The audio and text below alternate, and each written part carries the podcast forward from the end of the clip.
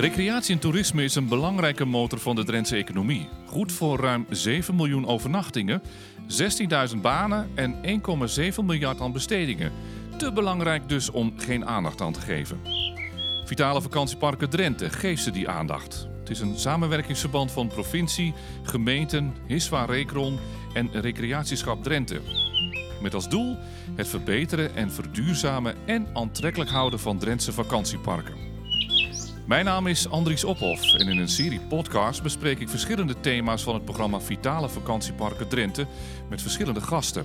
Over stikstof, revitalisering van vakantieparken, overname in de markt en over de huisvesting van arbeidsmigranten.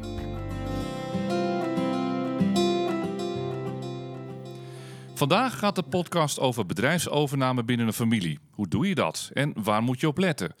Mijn gasten zijn Henk-Jan Kruidenier, mijn eh, bedrijf heet Kruidenier Recreatie Bedrijfsmakelaardij in Nunspeet. Uh, daarnaast heb ik uh, als makelaar in bedrijfsmatig recreatief vastgoed ook een taxatiebedrijf samen met mijn gesprekspartner hier aan tafel. Dat heet Taxa Leisure Taxateurs Nederland. En wij taxeren landelijk recreatievastgoed in de dag- en de verblijfsrecreatie en de watersport. Mijn naam is William Den Otter. Ik ben van Den Otter van, van Vliet uit Hees, Noord-Brabant. Uh, collega van Henk Jan, uh, zoals hij al zei, hebben we samen het uh, taxatiebedrijf, Lezen Taxateurs Nederland. En ik heb samen met mijn vrouw een makelaardij, gespecialiseerd in ook helemaal in de recreatiesector. Um, en wij zijn, we hebben ons met name ook toegelegd op overdracht binnen de familie. En mijn naam is Jan de Roos. Ik ben ondernemersadviseur bij het provinciale project Vitale Vakantieparken Drenthe. En een van de vaste gasten in deze podcastserie. Jan, is dit een gevoelig onderwerp, bedrijfsovername binnen families? Nou ja, het feit dat we nu geen gasten aan tafel hebben wie het betreft, doet misschien wel blijken dat het een, een wel een best gevoelig onderwerp is. En dat kan natuurlijk ook prima. Het is uh, uh, ja, familie en zaken doen. Ik zeg wel eens, uh, met familie moet je wandelen en niet handelen. Maar in dit geval moet je wel met je familie handelen. Dus dat kan best eens gevoelig liggen. Ja. En dan gaat het vooral over geld waarschijnlijk. Ehm, nou, ik denk dat je meerdere aspecten op tafel krijgt bij, bij een overname. Maar dat weten de specialisten die hier aan tafel zitten. Maar ik denk dat je, in mijn optiek heb je met twee grote dingen te maken. Dat is emotie en dat is geld. Ja. ja. In hoeverre um, helpt uh, Vitale Vakantieparken Drenthe ook uh, bij bedrijfsovername? Wij hebben het niet direct bij de kop. We hebben een aantal parken waar we wel in gesprek zijn, waar uh, ondernemers nou, op de wip staan om het over te, te dragen. Of een, een, een, ondernemer zelf zegt, nou mijn kinderen gaan het doen. Waarbij de kinderen dan misschien wel weer vraagtekens hebben. wij hebben die expertise ook niet in huis, want het is echt een, een, een vak apart. Dus dan, ja, dan zoeken wij experts erbij die ons daarbij kunnen helpen. Want weten we eigenlijk hoe vaak het gebeurt in de provincie als Drenthe? We hebben het in deze podcast-serie ook al gehad over overnames op de markt. Dat zijn vaak de grote overnames, de grote partijen, maar nog niet over die familiebedrijven. Nee, ik denk ook niet dat we alles in beeld hebben. Uh, er zijn, uh, we zijn net in het voorgesprek even, er zijn best wel veel familiebedrijven in, uh, in Drenthe, ook al meerdere mhm. generaties. Dus de, de, de, overdracht die, die zit er natuurlijk wel in. En familiebedrijven zijn ook wat ons betreft heel belangrijk in Drenthe. Die bepalen ook wel voor een groot deel het aanbod wat we hebben in Drenthe. Ehm, maar hoeveel er precies gaande is, dat, dat durf ik niet te zeggen. Ik denk niet dat we daar heel goed zicht op hebben. Henk-Jan, hoe vaak uh, meldt een recreatieondernemer zich bij jou voor verkoop van zijn bedrijf als bijvoorbeeld zo'n overname binnen familie is mislukt? Ik weet niet of we dat altijd uh, te horen krijgen. Uh, maar als we dat te horen krijgen, dan, uh, dan ja, vaak is het zo dat als wij met een verkoper in gesprek komen, dat dat natuurlijk toch is vanwege het feit dat er geen opvolging is. En in zo'n gesprek kun je erachter komen dat die opvolging er niet is omdat uh, men bij de kinderen heeft afgetast en tot de conclusie gekomen is dat het niet, ehm, niet werkt, dat er geen interesse is of dat de ouders misschien zelfs wel eh, geconstateerd hebben dat de, de, de ondernemerscapaciteit er niet is. Of ze denken dat hij er niet is. Hè? Of ze denken dat hij er niet is. Kinderen die, ja. die zeggen van ja, ik heb gezien wat pa en gedaan hebben, maar dat ga ik toch echt niet doen. Uh, of ze hebben inmiddels een studie gedaan. Um, kan allerlei oorzaken hebben. Maar eh, dat, komt, eh, dat komt geregeld voor. William, eh, wat kom je tegen onderweg? Eh, jullie hebben het ook over bemiddeling bijvoorbeeld, hè? Mhm. helpen en dan over het voeren van gesprekken. Wat merk je allemaal? Ja, je komt eh, heel veel dingen tegen. Iedere familie is anders. iedere situatie is anders. Ehm, maar wat je vooral merkt is dat ehm, mensen best, of, of eigenlijk vrijwel altijd gewoon te laat beginnen met het proces.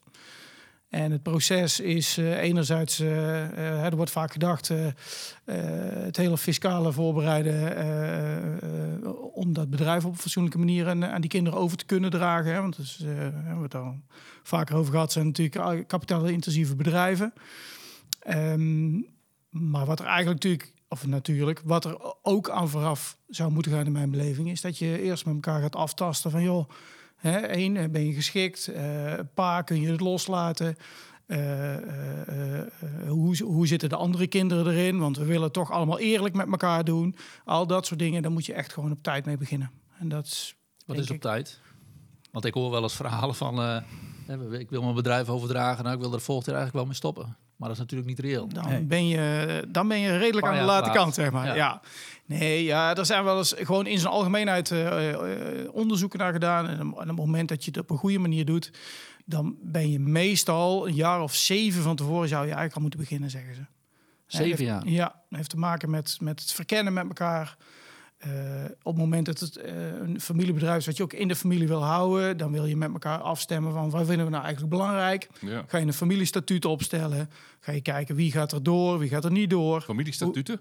Ja, familiestatuten. Oké. Ja, een familiestatuut is eigenlijk een, eh, een stuk waarin je met elkaar afspreekt van... Hè, wat vinden we belangrijk? Eh, hoe gaan we met elkaar om? Eh, eh, op het moment dat je een wat groter bedrijf hebt, eh, wie gaat er wel werken, wie gaat er niet? Er komen kinderen bij, mogen die er straks erin? Hoe regel je dat met elkaar? Al dat soort dingen kun je in een, in een familiestatuut eh, vastleggen. Ehm, het is best slim om dat ook al te doen op het moment dat kinderen al nog heel klein zijn. Dat je er van tevoren al gaat over nadenken van, joh, weet je, wat wil ik nou eigenlijk met de toekomst nou van mijn bedrijf? Maar dat natuurlijk, Nee. Ja? Nee, maar goed, dat is natuurlijk. ja, jij zegt zeven jaar. Dat heeft natuurlijk met name te maken met dat. eh, met dat emotionele aspect. Hè? Dus Mhm. we, hebben, we hebben een zakelijk aspect, we hebben een emotioneel Het aspect, loslaten. aspect het loslaten. Ehm, en eh, ergens komen die twee bij elkaar en dan gaat het over geld. En dan eh, wordt het onderwerp eh, soms wel eens een beetje pijnlijk. En ehm, ja, dat, dat, dat, ik noem dat maar even het zakelijke of het technische gedeelte, die voorbereiding, die zou misschien wel wat, eh, wat korter kunnen. Maar goed, daar moet je ook al eh, gauw eh, drie tot vijf jaar voor uittrekken. Ehm, ja, en dat familiaire aspect, dat ligt er maar net aan hoe groot, wat voor familiebanden hebben we het over. Hè? Heb je, ben je enig kind die het bedrijf overneemt of heb je nog twee broers en zusters en eentje is al werkzaam in het bedrijf en die andere twee niet. En, maar ja, er moet toch wat verdeeld worden. En, En de vraag is wie wil het dan overnemen? Misschien zijn er wel twee die dat dan over willen nemen. Krijg je dat dan ook? eh, Ja, of misschien is er wel eentje die het over wil nemen en de ander die wil blijven werken. Hè, hoe, stem je dat met elkaar af? Eh, we hebben er, eh, nou, ik heb toevallig een tijdje geleden een gesprek gehad met, met een gezin met vier kinderen, waarvan er eentje de directie voerde en de andere en twee anderen binnen het bedrijf werkten en de, de, de, en de vierde dus niet. Ehm, en die hebben een hele andere rolverdeling. Ja, die hadden het nog nooit gehad over salaris. En op een gegeven moment zei eentje van ja, maar ja, weet je, ik vind eigenlijk dat ik zit hier nou al jarenlang die directie te voeren. Ik vind eigenlijk dat ik misschien wel iets meer zou moeten krijgen dan de anderen. Nou, kan je vertellen? Dan vonden mensen het niet zo heel leuk, zeg maar. Nee, maar het is wel En- een gespreksonderwerp. Dat moet Ja. gewoon. Ja, Ja. ja. Nou ja, en eh, eh, eh, een, van die, een van die kinderen die misschien al werkzaam is in het bedrijf, die zegt ja, hoe gaan we dat dan doen? Hè, als het gaat over overnameprijs. En dan, ik, ik heb toch eigenlijk mijn Porsche al wel verdiend in het bedrijf. En dan moet ik er nog eens een keer voor gaan betalen ook. Laten we even teruggaan naar het proces. Ehm, er is een gezin, drie kinderen. En er is sprake van, er moet eens een keer overgenomen worden. Er moet wat gebeuren. We zijn op tijd. Wat gaat er het eerste gebeuren? Hoe pak je dat aan? Nou, het lijkt me niet iets wat je. eh, het is niet zo van, nou, we, we gaan vandaag eens beginnen. Nee, met, maar eh, het, het gevoel is er misschien wel bij de ouders Nee, van... Nou, ja. Jantje, Ja. Pietje, Nou ja, de- wil, da- eh, dan kom je toch- Ali, eh, noem het maar, die, die Ja, willen dan het. kom je toch al gauw weer eerst bij het emotionele eh, aspect. Want eh, je bent familie hè, en we kunnen alles met elkaar bespreken. En eh, we zijn zo informeel met elkaar. Maar oké, dan moet er toch gesproken worden over eh, een prijs. En dan worden dingen, en, eh, of, of over geld, laten we het zo maar zeggen. En ehm, Ah, ja, dan gaan partners zich er ook nog mee bemoeien. En eh, dan wordt het een... begint Maar dan ben je volgens wel, mij. ja. maar dan ben je al, dan, dan ben je, dan ben je vol- alweer dan ben je een alweer een stukje stap verder. Ik zou denken van, joh, weet je, je begint inderdaad gewoon met elkaar het gesprek te voeren van wat, wat willen we nou eigenlijk met Ja. elkaar? Hè? Wil, wil een van de kinderen het overnemen? Willen we het niet overnemen? Eh, eh, eh, nou, pa en moeder, die hebben daar 40 jaar gewerkt. Eh, eh, kunnen die het straks loslaten? Eh, want ja, eh, zo'n lief die wil het graag gaan doen en de andere twee kinderen niet. Maar die heeft ook wel bedacht dat hij tegen zijn ouders gaat zeggen van ja, maar ja, weet je, ik vind dat we echt een heel leuk bedrijf hebben. Maar ik ga dingen wel anders doen. Wat vinden jullie daar eigenlijk van? Eh, weet je, dat soort, dat soort gesprekken, daar, daar begin je in mijn beleving mee, zeg maar. En dan daarna komt, komt het hele zakelijke aspect van... we gaan het fiscaal voorbereiden. En, Wat eh, is het Maar het is, ook niet, het is ook niet is altijd waard? vanzelf, Ja. het, het is ook niet altijd vanzelfsprekend natuurlijk, hè, dat je die, die voorbereidingstijd hebt. Hè. Je hebt, je hebt er zijn natuurlijk genoeg genoeg si- situaties waarin eh, een van de ouders eh, uitvalt door eh, ziekte of, eh, of zelfs door overlijden. Waardoor een van de kinderen eh, ineens die Hmm. rol pakt waarvan die eigenlijk nog over aan nadenken was van, is dit wel wat voor mij? Ja, maar, dat kom je ook wel tegen. Je, ziet ook best wel situaties waar iets op een bepaalde manier gegroeid is. De kinderen zijn erin gerold, zijn mee gaan werken en, en die zitten erin. Op een gegeven moment moet er beslissing genomen worden. Oké, nu? Gaan we door? En dan heb je volgens mij eh, wat keukentafelgesprekjes eh, een keer gehad eh, met een etentje en een bakje koffie in de pauze. Ja, ja wat, wat- gaan we nou doen? En ik merk wel dat dat, dat, dat wel vaak lastige zaken zijn, omdat je al in een bepaalde situatie gegroeid bent. mhm. Hè, waar waar eh, zoon en dochter al meewerken in het bedrijf en zoon het eigenlijk niet wil en dochter wel wil. En eh, vader die, eh, nou ja, die, die wil er eigenlijk ook wel, wel mee stoppen. En ik denk dat het makkelijker is om vanuit een situatie waar je eigenlijk nieuw in gaat. Hè, dat de kinderen bij wijze van spreken heel wat anders doen. En zeggen van nou, we gaan het overnemen, we gaan het bespreken. Dan dat je al een emotioneel met elkaar in het bedrijf zit. Ik denk Ja. dat- tenminste, dat lijkt mij makkelijker. Eh, Ja. eh, gaan handelen al- als nulpunt dan, dan wanneer je al een historie met elkaar Ja, hebt in, in Ja. een bedrijf. En ik zie dat laatste, dat, dat er al een historie zit, zie ik best wel veel in Drenthe. Een aantal bedrijven die, hè, waarvan ik gewoon weet van nou, die zijn er al ingegroeid, die moeten nu beslissingen gaan nemen. Dat is best lastig. Mhm. Ja. ja, maar ik denk ook dat de meeste gevallen die, eh, die historie erin zit. Er zijn maar weinig. eh, ik, heb, ik heb wel eens een inderdaad situatie meegemaakt waarbij kinderen inderdaad eh, buiten het bedrijf zijn gaan werken. En uiteindelijk de bedrijfsovername aan de orde kwam en dat toen opstond van ja, maar wacht even.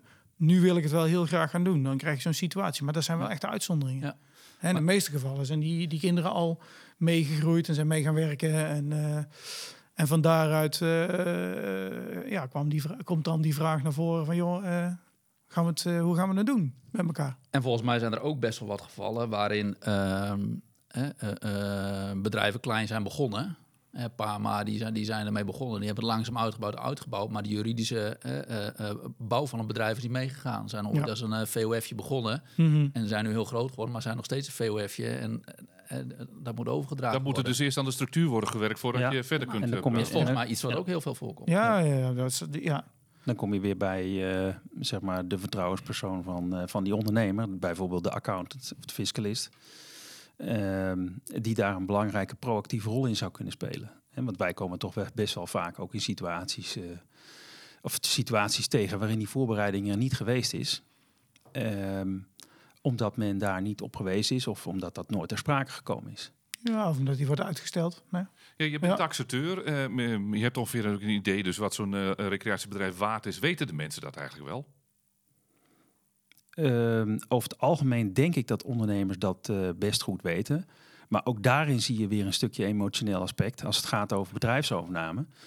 Dat eh, de ondernemer, eh, die komt op enig moment in dat traject bij die taxateur terecht. Want men moet immers ook weten wat het, waar, waar praten we nou eigenlijk over en wat is de waarde van zo'n bedrijf. En dan gaat ongetwijfeld ook meespelen dat daar eh, door eh pa en ma, zou ik maar even zeggen, eh 41, 45, eh 50 jaar gewerkt is. Ja, en dan kom je als taxateur met een getalletje. en dat kan best ook wel eens wat emoties oproepen natuurlijk. Want, Omdat ze vinden dat het te weinig is of zo. nou of ja, dat het dat, te veel eh, is. ja, nou nee, dat is meestal, meestal natuurlijk het gevoel dat het te weinig is. Ja, oké. Oh, Dat is te veel, dat doe, doe, doe maar wat minder. doe maar wat minder. Ja, dat zou kunnen als. Ja. Ze Maar vinden dat het, heeft andere, reden. Redenen. het moet wel helder zijn wat het, he- wat het, wat het moet opleveren, toch? Ja, zeker. Ja, en, en te weinig. eh, Schatten ze dat dan in tonnen in? In wat voor bedragen moet ik dan Nee, denken? maar dat heeft te maken, eh, dat, dat bedoel ik er natuurlijk mee te zeggen. eh, er is met eh, je hele ziel en zaligheid heb je in dat bedrijf gestopt. Eh, eigenlijk je hele werkzame leven. En je bedrijf verkopen doe je ook maar één keer, meestal. Hè? Tenminste, eh, wel in onze sector. Eh, en dan, en dan, ehm, dan, zit daar, dan zit daar toch een heleboel emotionele Ja. waarde die je denkt toe, toe te kennen aan je bedrijf. En de taxateur die kijkt vaak alleen maar naar rationele aspecten. Eh, en kaststromen en eh, Feiten en cijfertjes. feiten en cijfertjes. Ja, maar het is wel de basis natuurlijk, die waarde. Absoluut. En dan, dan ligt die waarde op tafel en dan moet er over gesproken worden. Ehm, dat is ook wel een punt waarop iets meteen al kapot kan gaan, of dat toch niet? Ja, ik, ik zou zelf denken van wel. Want eh, wat eh, een van de dingen die, die altijd heel belangrijk is als er meerdere kinderen zijn, is eerlijkheid.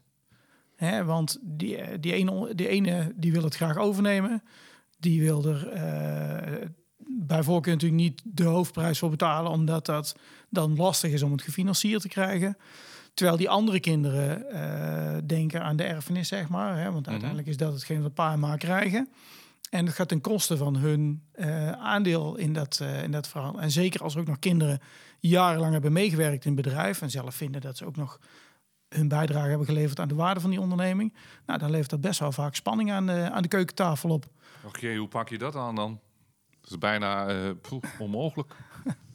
Het gesprek aangaan met elkaar. Alle, en Het gaat steeds om dat kindsdeel ook dus. Ja, ja, het speelt zeker een rol. Ja, vaak wel. Ja. En ook vanuit de ouders, hè, want ze willen ook dat de anderen, dat iedereen gewoon op een eerlijke manier. Nou, Eh. nou, de- laten we dan eens even naar een, een praktijkvoorbeeld gaan. Want eh, jullie, jullie doen dat, eh, dat soort gesprekken. Ehm, namen hoeven we niet te weten, maar gaat gewoon Mhm. om een praktijkvoorbeeld. Hoe gaat dat dan? Ehm, nou, we zijn nu bezig met een, eh, een, een, eh, eh, een familie, twee vaders, samen eigenaar. Totaal vier kinderen. Twee kinderen bij de ene pa en twee kinderen bij de andere pa. Ehm, en nu ligt de vraag op tafel. Zij, zij hebben een aantal verschillende dingen, zeg maar, waaronder een camping. En nu ligt de vraag op tafel van oké, hoe gaan we dat onderling verdelen? Eh, welke waarde hangt waar aan? Eh, eh, wie wil welk deel overnemen? En ja, de enige manier om dat, om dat te kunnen doen is toch gewoon om het gesprek aan te gaan en dingen open op tafel te gaan leggen.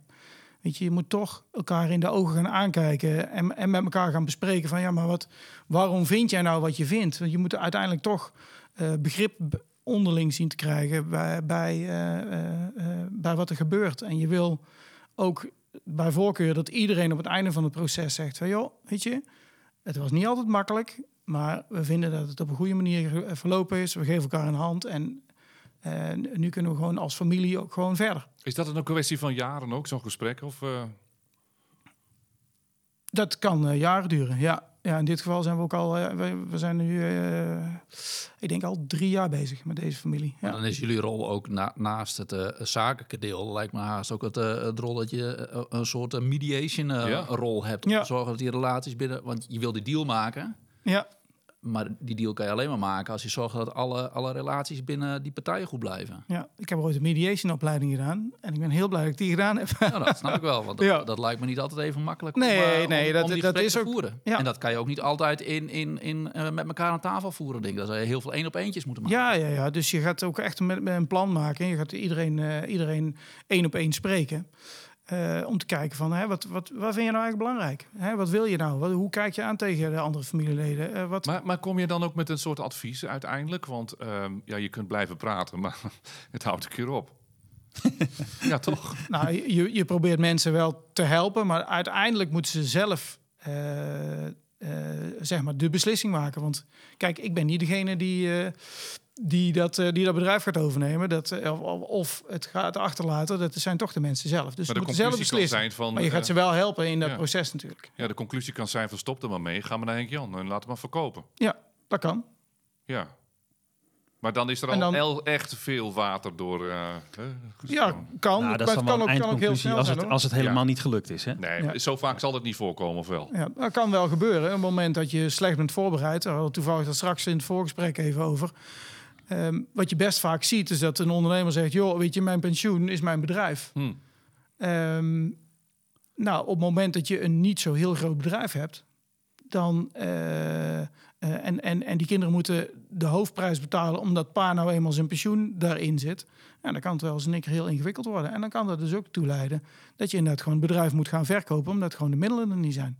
Nee, precies. En dan Ja. zie je dat net de succesverhalen komen uit eh, die, eh, die familiebedrijven waar dat dus wel goed is voorbereid.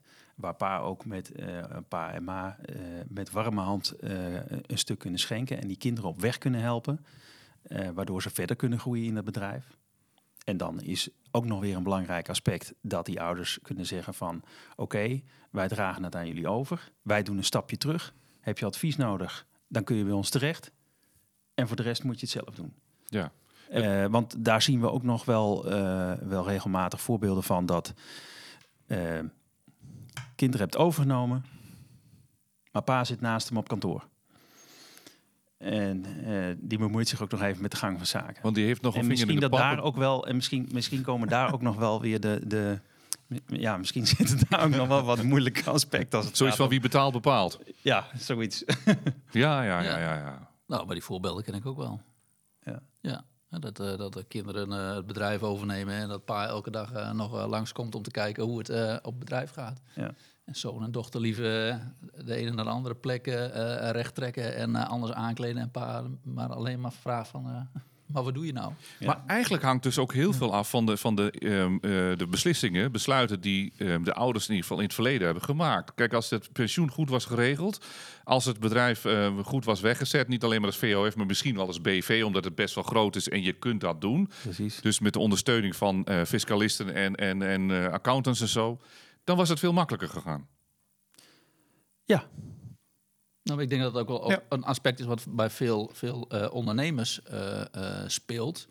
Je begint je bedrijf en dat heeft een bepaalde vorm en, en je, je, je werkt heel hard in je bedrijf. Maar je moet eigenlijk net zo hard aan je bedrijf werken om te zorgen dat je met de tijd meegaat en je met de ontwikkeling meegaat. En heel veel ondernemers zie ik wel, die, die struggelen daar wel mee. Die, die zijn, ze werken echt keihard. Maar niet altijd even slim. Niet altijd even handig om ook voorbereid te zijn op de toekomst en op de stappen die nou, genomen moeten worden als je een bedrijf wil overdragen. Dan moet je wel zorgen dat je, da- dat je je bedrijf ook voorbereidt.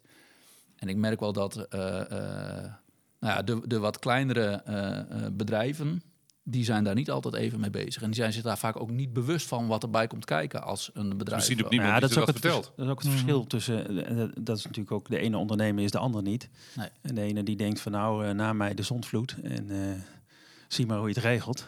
Terwijl de ander echt proactief denkt van ik ga die zaak regelen. Ja. Ik denk dat jullie best vaak merken dat met name de niet-vitale bedrijven, die hebben het het, het lastigst. Want die zijn vaak slecht voorbereid, eh, eh, hebben hun spullen eh, niet op orde. Eh, en dan merk je dan eh, waarschijnlijk in het hele proces eh, door. Ja, maar dat, dat zie je vaak, dat, va- vaak nou ja, aan, aan de vorm van het bedrijf, maar ook aan de staat van het bedrijf. hè. Als mijn bedrijf mijn pensioen is en, en, en pa en ma die pompen dat geld maar in het bedrijf om te zorgen dat het blijft draaien. Dat doen ze vaak ook niet uit luxe positie. Hè? Dus dat, Nee. dat, dat zegt ook al wat. Nou ja, als je dan zo'n bedrijf moet overnemen, wordt het natuurlijk nog extra lastig. Want je moet al investeren in, in eh, eh, even heel plat gezegd, in het pensioen van, me- van, van, van je vader en moeder. Ja. Maar je moet ook nog een hele eh, inhaalslag maken in een investering in, in het, het bedrijf wat je overneemt. Wat op zich wel begrijpelijk is, maar dat zie je met name met die natuurlijk wat kleinere bedrijven. Het, die recreatiebedrijven zijn per definitie kapitaalsintensieve bedrijven. Dus die ondernemer die stopt eh, niet alleen zijn ziel en zaligheid, maar ook al zijn geld in het bedrijf. En denkt, ja, ooit verkoop ik het en dan komt dat wel naar mij toe. Ja, Ja. dus niet. Nee. Nee. Ehm, eh, geef je dan wel eens advies, stop ermee? Is het beter om te stoppen? Ja, ik bedoel, eh, qua overname. Ik bedoel, als je al zegt van het is niet vitaal. Of mag je dat nooit zeggen? Nou, mag je dat nooit zeggen. Ik denk dat je eh, altijd eh, je uiterste best doet om tot een oplossing te komen. Op wat voor manier dan ook. En ehm, het kan ook zijn dat die conclusie dan zelf vertrokken wordt hè, door de ondernemer. Dan hoef je nog niet eens te zeggen, stop er maar mee.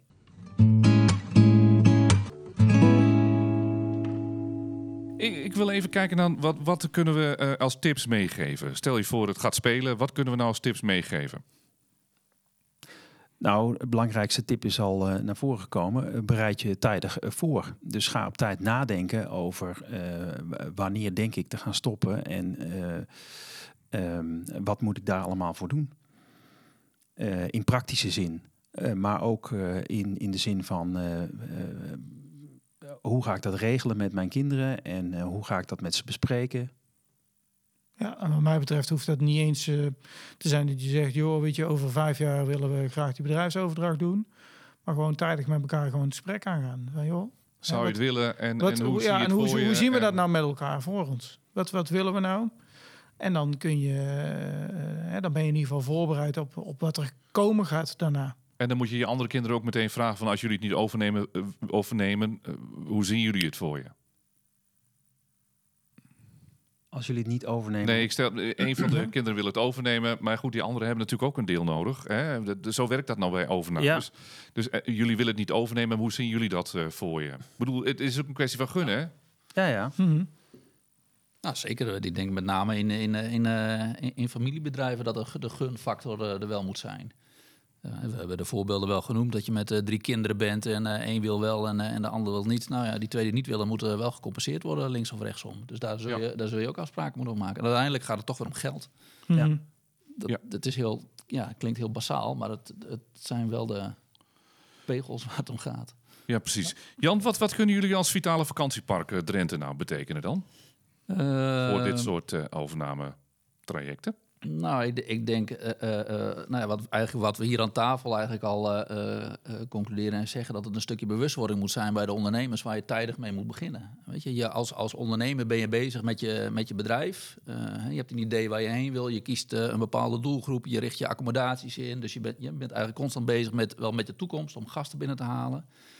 Maar je moet ook met de toekomst bezig zijn van jezelf. Van hoe ziet mijn toekomst eh, eruit over, eh, over een aantal jaren? En wat betekent dat voor mijn bedrijf? En wat voor stappen moet ik dan nemen om te zorgen dat ik mijn bedrijf zo inricht dat ik het ja, eigenlijk makkelijk kan overdragen? En of dat dan op, op, in de familie is of dat dan een externe partij is. Je zal er alles aan moeten doen om te zorgen dat je daar goed over nadenkt. Dus ik denk met name waar, waar wij eh, op kunnen sturen, is een stukje bewustwording van het feit dat er een moment komt dat je een keuze moet maken. En dat moment, ja, dat, Nou, dat is- blijft een lastige. Je wilt alles Mhm. altijd vooruitschuiven. Je wilt het er helemaal niet over hebben. Je bent Nee. nog zo bezig. Je bent bezig met je bedrijf. En dan, Ja, maar dat is dus de grote valkuil. Hè? Dat zeggen de experts hier aan tafel ook. Je, eh, ehm, een, een traject duurt vijf tot zeven jaar. Nou, ik ken weinig ondernemers die zo ver vooruit kijken. Dat, hè, vijf tot zeven jaar. Ze zijn al blij dat ze weten wat er volgend jaar in de boeken staat, bij wijze van spreken. Dus dat zijn wel dingen waar je heel erg goed van bewust moet zijn. Gaat dat spelen? Ja, begin gewoon tijdig met, met voorbereiden, met praten, met je bedrijf juridisch inrichten, met je accountant, je vertrouwenspersoon om je heen eh, verzamelen, die, die je daarbij kunnen helpen. Ja, Ja. maar maak gewoon een plan. Hè? Want je ziet vaak die ondernemers er best wel lang ook mee bezig zijn. Hè? In hun hoofd eh, eh, hebben ze best wel bedacht wat er allemaal moet gebeuren en zo. Maar, maar eh, eh, op een gegeven moment kom je zelf niet meer uit je eigen brei in je hoofd, zeg maar. En soms is het dan goed om gewoon met iemand aan tafel te gaan zitten en gewoon daar het gesprek over te voeren. En dan een plan te maken. En dan eh, eh, ja, gewoon structuur erin aanbrengen. En hè, we- waar we volgens mij allemaal wel eens last van hebben. Soms is het gewoon lekker om dingen op papier te zetten. Dan is het uit je hoofd, staat het op papier en kun je weer met andere dingen bezig zijn. Je maakt Dat ook plannen hier- voor je bedrijf voor volgend jaar hè? en voor de toekomst. Dus ja. Ja. Dat moet een onderdeel verder van gaan. daarvan Dan moet zijn. dat een onderdeel daarvan zijn, ja. Nou, ik denk dat het heel goed is. Weet je, eh, ehm, er wordt vaak gevraagd aan ondernemers: hè, ma- maak een plan, een, be- een bedrijfsplannen. Maar eigenlijk zou onderdeel in de bedrijfsplannen ook moeten zijn van, eh, van, van bedrijfsopvolging. Hoe ga je daarmee om en hoe kan je daar dan naartoe werken? Financiële, hè, gewoon een, een, Ja. een financiële planning maken. Hè? Gewoon een, eh, eh, hoe noemen ze nou? Gewoon een, ja, financieel, een persoonlijk financieel plan. Ja, ja, want moet je, ik bedoel, het is een overname, dat gaat natuurlijk ook over veel geld. Moet je daar dan voor sparen als, als degene die het over wil dragen? Of is dat een heel rare vraag? Nou, daar hadden we het net al even over. Dat, dat als die. ehm, kijk, wat je natuurlijk vaak ziet in dat soort situaties. is dat, dat eh, die kinderen gebruik maken. ook van het kapitaal van hun ouders. om, om verder te komen. Ja, dus natuurlijk moet er een stukje eh, gefinancierd worden. Eh, maar een stukje van die financiering kan ook, kan ook bij de ouders vandaan komen.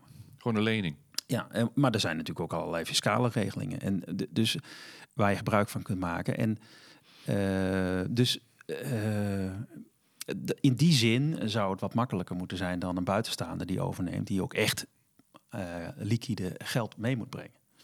Je moet nogal wat geld eh, meenemen, wil je een, eh, een Ja. bedrijf overnemen. En als, je, en, als, en als je al een tijd in dat bedrijf werkt, kun je ook gewoon kapitaal mee opbouwen in die onderneming. Hè? Dus gewoon, je hoeft, hè, zo'n bedrijfsovername hoeft ook niet zo te zijn dat je vandaag zegt: Oké, pa, eh, geef mij de sleutel en nu ben ik eigenaar. Nee, nee, je kunt ermee ingroeien. Hè? Je kunt samen die, die onderneming opbouwen, aandelen krijgen. En dat, daar zijn allerlei manieren om dat, om dat te regelen. Is meteen ook een beetje een pensioen natuurlijk, hè? als je een lening eh, verstrekt aan je, aan je overname. Eh, Nou, het is in ieder geval niet pensioen wat je direct kunt verzilveren. Dus daar moet je wel rekening mee houden. nou ja, goed, maar je hebt in ieder geval de rente ervan. Dus je hoeft het Ja. niet op 0,1% Ja. Nee, dat neer klopt. te zetten. Ja. Hè? Dus dat, dat Ja. valt dan weer weer mee. Ja. Ja, dat klopt. Ja. Dat is een van de oplossingen. Ehm, ja, en, en ehm, eh, hoe vaak komen jullie tegen dan in eh, de praktijk? We hebben het er al eens vaker over van ja, dat pa naast je gaat zitten en dan ook nog gaat besluiten, eh, William. Hoe vaak zie je dat dan? Nou, dat zie je best wel, eh, best wel regelmatig. Dat, eh, dat het, het voor de, de, eh, hoe zeg je het, de, de achterblijvende generatie, noem ik maar even, hè, dat die het eh, wel heel lastig vindt om, eh, om alles gewoon los te laten. En- Ik heb wel, ik heb wel eens een keer een, bij een ondernemer, met een ondernemer te maken gehad. En die zoon was uitermate geschikt voor de overname van dat bedrijf. En die jongen vond het ook echt heel erg leuk. Afspraak gemaakt en we hebben gezegd, joh, weet je, pa, ga nou eens gewoon even zes weken. Eh die heeft een huis buiten het bedrijf. Ga nou eens even zes weken niet op het bedrijf komen. En eh, nou, dat was hem toch zeker wel drie dagen gelukt. En uiteindelijk, ja, en uiteindelijk hebben ze daar dus ook besloten gewoon om het bedrijf te verkopen. Want die zoon heeft gewoon gezegd, joh, weet je, Hier heb ik geen zin in. die heb ik gewoon, dat gaat gewoon niet werken. Weet je, als, als mijn vader altijd hier blijft rondlopen en zich ermee, want daar, daar gebeurt natuurlijk ook, die bemoeide zich dus ook overal mee. Ja, dan, dan gaat het ook niet werken. Maar dan gaat het ook gewoon niet werken, zeg maar. Dan moet je ook Ik- een ander. Ik denk dat het toch vaker voorkomt dan, eh, dan, eh, dan we denken. Ja. Ja. Hè, dat- ja, Ja, ja. ik denk dat eigenlijk eh, vaker wel dan niet voorkomt dat een ondernemer echt afstand kan nemen. En dat is natuurlijk ook wel, er zit ook wel een logische verklaring achter als je bedenkt dat iemand eh, eh, een paar generaties eh, bedrijf heeft opgebouwd en ja, dan, dan laat je dat niet zomaar los. Nee, kijk, Best opgave. kijk misschien dan naar jezelf. Dus eh, ja, ik weet niet of er sprake van zal zijn ooit. Dat weet je Ben natuurlijk je al niet. bezig eh, Nee. met Ik, ik weet niet hoe ben er niet zo goed geschiedenis Is, maar, eh, hoe zou je het zelf vinden? Ja, nee, daarom. Dus het is ook, het is ook heel begrijpelijk dat dat, dat, eh, dat, dat zoveel voorkomt. Maar goed, hoe dat zou je het toch... zelf vinden? Ja, Ja, dat is een grapje. nee. Er is nog niet over nagedacht. Dat hoeft, Nee. hoeft er misschien ook nog wel niet. eh. Eh, maar het moet ons niet weerhouden. Want we hebben het vooral over het eh, deel eh, waar veel discussie over is. Maar het moet ons niet weerhouden, denk ik, van het feit dat het wel gewoon zo moet doorgaan hè, voor die recreatiebedrijven. Mhm. Het is niet alleen maar negatief, neem ik aan, toch? Nee, Nee, er zijn, zeker niet. Nee, er zijn in, in, in Drenthe ook voorbeelden van bedrijven die het fantastisch gedaan hebben. En heel goed geregeld hebben. Die super voorbereid hebben en, en precies weten waar ze mee bezig zijn. En de tweede generatie, of misschien wel de derde of vierde generatie, het fantastisch doet. En ik denk juist ook dat, dat, dat, die bedrijven een inspiratie zou moeten zijn voor bedrijven om het, eh, om, om het goed aan te pakken, goed voorbereiden. We, we zien gewoon dat het, eh, willen wij in Drenthe eh, goed gedifferentieerd aanbod hebben, dan spelen de familiebedrijven gewoon een hele grote rol in, in, in de vrije tijdsector. We hebben het vorige keer gehad in de podcast over de, de grote formules, de, de, de grote vakantieparken. Nou, ik denk dat uh, als soort van tegenhanger uh, de familiebedrijven daar heel erg belangrijk in zijn. Ja, geef ze, laten ze dat wel genoeg weten dan. Je zegt, ze moeten eigenlijk een verhaal vertellen. Doen ze dat niet genoeg? Nou, niet hier op dit moment. Nee. Maar ehm, ja, ik denk, ik ben het wel met jou eens. Het is belangrijk dat, dat die familiebedrijven uh, die, die dat graag uh, voort willen zetten, dat dat ook dat dat mogelijk blijft. Hè? Dus je ziet nu dat de overheid maatregelen neemt om, uh, om, om juist de, de fiscale mogelijkheden die er zijn wat in te perken. Dat is eigenlijk jammer, want je zou eigenlijk dat soort ondernemingen moeten stimuleren om juist als familiebedrijf voort te kunnen gaan. Ja. ja. Zeker, zeker in, in, in deze sector is, uh, is dat enorm belangrijk. Hè? Omdat we, zeggen, we hebben het al een paar keer gezegd, kapitaalintensief. Ja.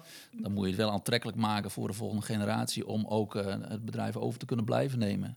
En dat is, uh, nou, we zullen het over de 13, wat is 13, 14 dagen afwachten hoe, hoe het zich gaat ontwikkelen straks na de verkiezingen. Maar dat, ik hoop niet dat er maatregelen komen die, uh, die dit tegen gaan werken. Dat zou ja. zonde zijn. Ja, ja. dat staat nu wel in de, in de plannen. Ja. Want ik weet ja, de natuurlijk... bedrijfsovername, ja. Heel die bedrijfsovernameregeling, ja, die staat nu toch wel echt uh, ter discussie. En uh, de, de, eerste wetswijziging die... Wat betekent dat dan? Dat, nou ja, het komt er gewoon op neer dat je meer belasting moet betalen bij de, over, bij de overname. Hè, op het moment dat je geld uh, geschonken krijgt van je, van je ouders. En dat betekent dus ook dat financiering uh, gewoon lastiger wordt. Hè? Want ja, je kunt je euro maar één keer uitgeven. Dus als je naar de Belastingdienst gaat, dan, uh, dan kun je hem niet meer gebruiken in, in de, de voortzetting van die onderneming. Eigenlijk zou er meer een regeling moeten komen, een landelijke regeling, waarin wordt geholpen met overnames. Nou, bij, bij, bij, familiebedrijven kan ik me dat heel goed voorstellen. Dat dat, dat, dat, weet je, dat is zo specifiek, dat is zo regiogebonden. Geld blijft in de regio, geld blijft uh, in de provincie. Het gaat niet naar aandeelhouders in het buitenland of wat ook maar. Dat zou je, in mijn optiek zou je dat moeten stimuleren. Dat je zegt, de, de, de, de, de kleine MKB'er die hier in het bedrijf of hier in de regio zit, dat je die uh, voordelen biedt ten opzichte van de grote jongens waarvan het uh, geld afvloeit naar, uh, naar het buitenland, naar de aandeelhouders. Dat ja, zou je wat mij betreft moeten stimuleren. Ja, ja, maar ja, dat duurt weer even voordat je dat voor elkaar hebt. Nou, misschien moet ik naar Den Haag. Ja, ik wil het zeggen. Er zijn volgens mij spelen er nu allerlei verdelingsvraagstukken, zeg maar. Ja, dat ligt nog wel gevoelig. Ja. Nou, laten we, laten we het niet ontraden dan. Laten we gewoon zeggen van bedrijfsovername moet je mee doorgaan. goede afspraken maken. En niet meteen denken na deze podcast van oh jee, waar begin ik aan hè? Nee, nee, nee laat het een stimulans zijn om er op tijd over na te gaan denken. Ja, ja als je op, op tijd Met elkaar begint... over in discussie te gaan. Ja, kijk, in, in, in, uh, we hebben niet voor niks zoveel familiebedrijven. Hè, dus kennelijk kan het gewoon. Ja. En dat is ook zo. Hè. Ik bedoel, in de praktijk uh, lost het zich vaak op. Alleen het is gewoon verstandig om op tijd te beginnen. Want dan kun je namelijk gewoon makkelijk, gestructureerd en, en, en zo gunstig mogelijk doen. Weet je? Ja, als het nu niet goed gaat, dan weet ik het ook niet meer. Dankjewel uh, voor jullie bijdrage. Tot zover deze podcast van Vitale Vakantieparken Drenthe. Mocht je meer willen weten, kijk dan eens op onze website vitalevakantieparkendrenthe.nl. En heb je vragen of suggesties? Mail dan naar info.vitalevakantieparkendrenthe.nl. Tot de volgende keer.